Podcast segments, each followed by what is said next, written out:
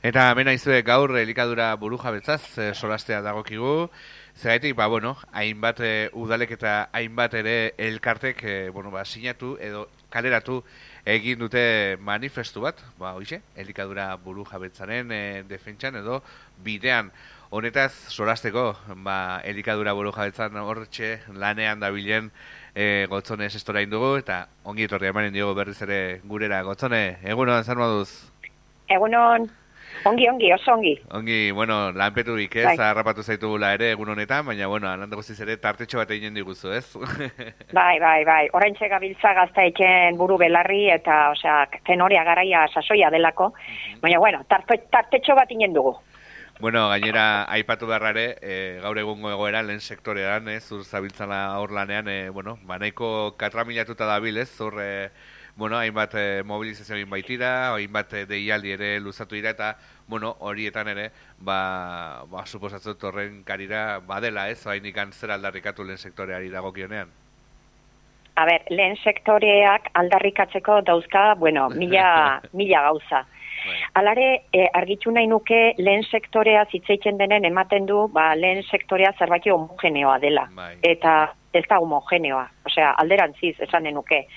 E, lehen sektorean badirelako enpresaria hundiak, agroindustria ere hor dauelako, badaude nekazaria hundik, doabeltzaina hundik, mhm. badaude ertainak, badaude txikik, eskala txikinari bienak, bai, badago eredu intensibo industrial bat, intensiboa, eredu e, iraunkor bat, osea, oso, oso, oso askotarikoa da e, lehen sektorea. Eta aldarrikapenak ere, ba, ez dira denak berdinak. Eh, aldarrikapen desberdinak. Daude, gertatzen dena da, badago bai aman komunean gauza bat. Eta da, ba, gero eta egoera larriagoa bizi duela sektoreak. Baina hori lotuta dago, ba, mundu mailan ematen ari den, e, krisi orokorrarekin, energiaren krisia, materialen krisia, e, e, e, daukagun elikadura eredua ez da inondik inora ira, e, e, iraunkorra, mhm. zen e, askotan salatzen da, gubinipin salatu izan dugu e, elikadura buru jabetzan gabiltzan mugimenduetatik, mhm. ba, mundu mailako gaur egun elikadura dago mundu mailan antolatua, e, hautsi dira tokiko zirkuitoak, tokiko elikadura sistemak. Mm Hau gertatu da, amarkadatan politika neoliberalak egin direlako, mm bultzatu dutenak e, eredu industrial bat merkatu globalari lotua, eta horrek gero eta arazo gehiago ditu, ba, lehen aipatu dituten arrazoi guztien gatik, ez? Gainera, eragiten ari da, ba, ingurumenaren zuntzik eta ikaragarri bat, klima larrialdiaz gainera, ba, biodiversitate galera eta horrela, eta orduan, ba, esanen nuke eredu hori goia jotzen ari dela, ez? Eta, klaro, horrek eragiten digu denei.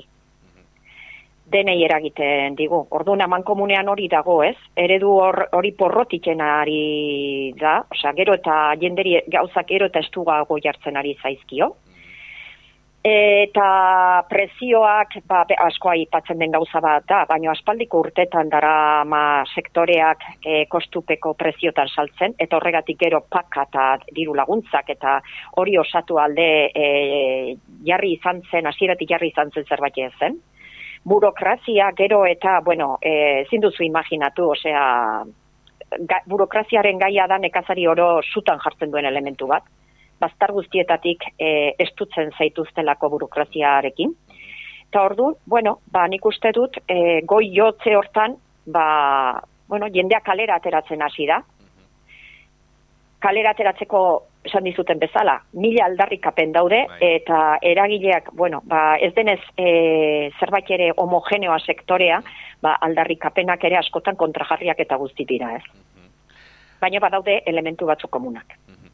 Hala da, eta, bueno, aldarrikapen eh, edo bintzat, eh, arazo, zuka ipatutako arazo zenbaiti, ba, elikadura buru jabetzaren bidetik ere, bueno, ba, esan genezake, e, bueno, erantzun alzaiola, ez, e, pixkate, e, bueno, ba, ditugun arazo horiei, e, konpon bila eman alzaiola elikadura buru jabetzaren bidetik, ez da?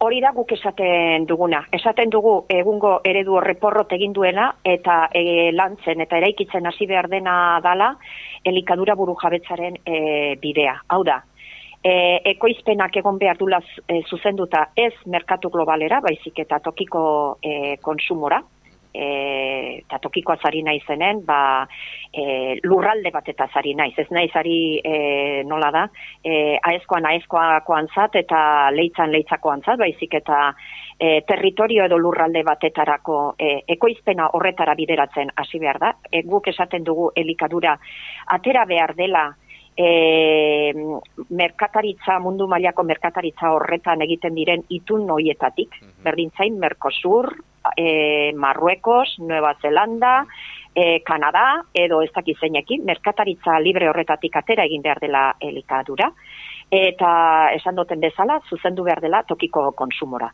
Eta horrekin batera, ikusirik ze e, bakero eta arazo gehiago ditugula e, ba, bai krisi energetikoan gatik, eta bai e, ba, ingurumen aldetik, ba, guk e, ikusten dugu etorkizuna, e, ez dagoela orain arte egin duguna egiten baizik eta alderantziz. Agroekologiaren bidea edo transizio agroekologiko bat e, egin behar dela. Hau da, eredu iraunkor batetara, e, batetarako pausoak e, egin behar direla. Gaur, inoiz baino gehiago.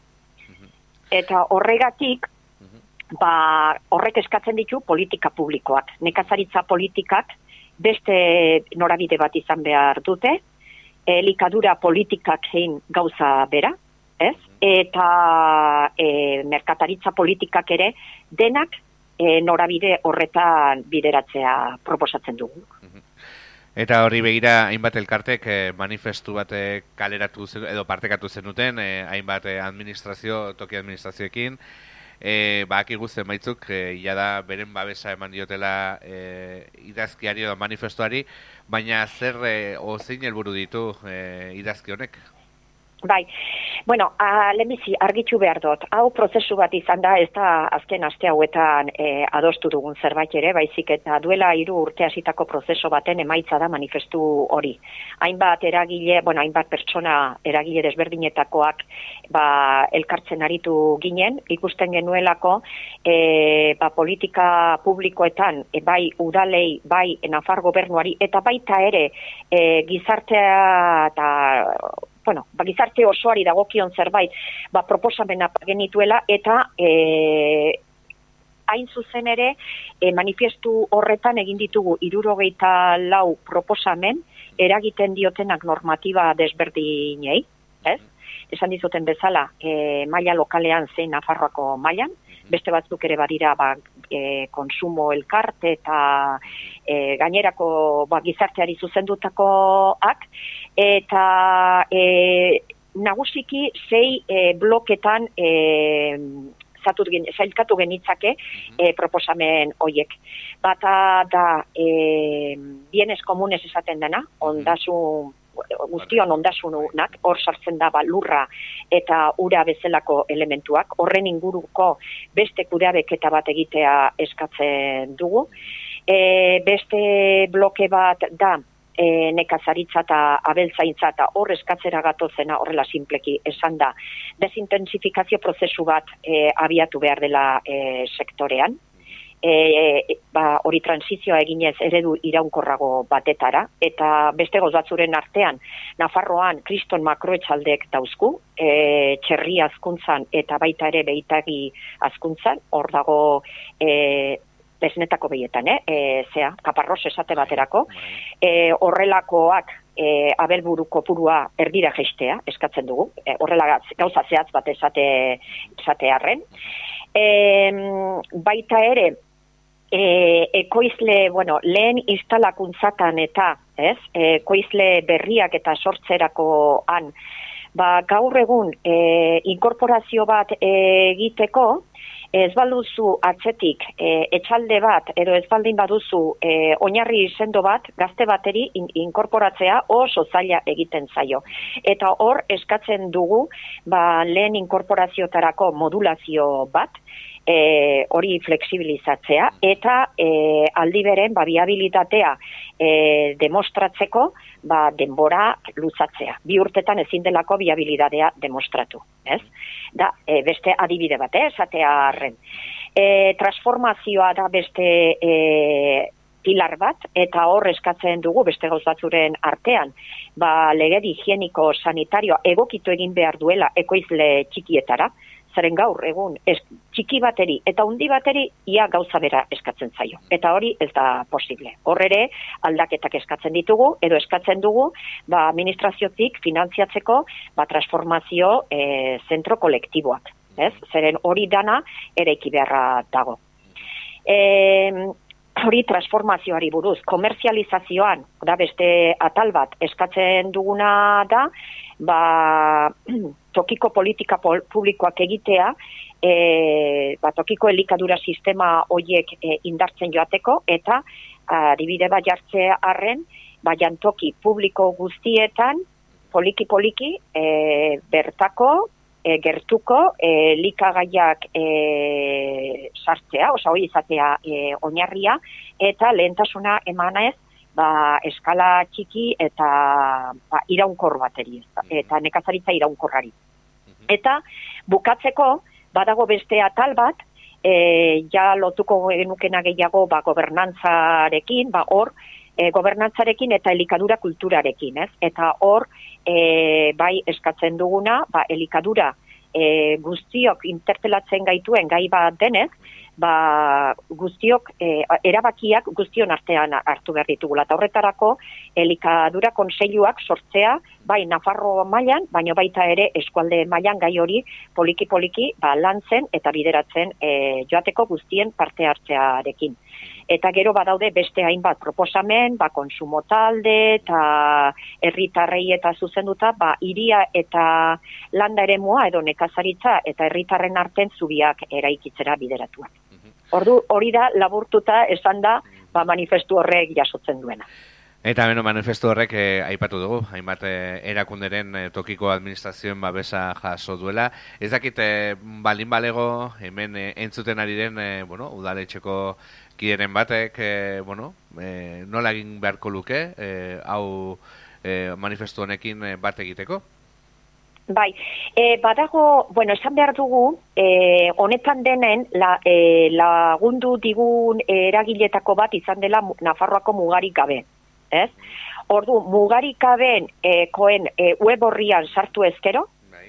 e, hor azaltzen da bai manifestua, eta baita ere, elikadura buru jabetzaren inguruan, Nafarroan, egin den e, radiografia bat, hainbat e, indikadore hartuta, ba, pixka bat, e, ikustarazten duena nola, ze bilakaera egon den azken amarkadetan Nafarroan, bai ekoizpenaren arloan, bai e, ba sektorearen egituraren e, arloan, e, ze aldaketak e, eman diren, ezta?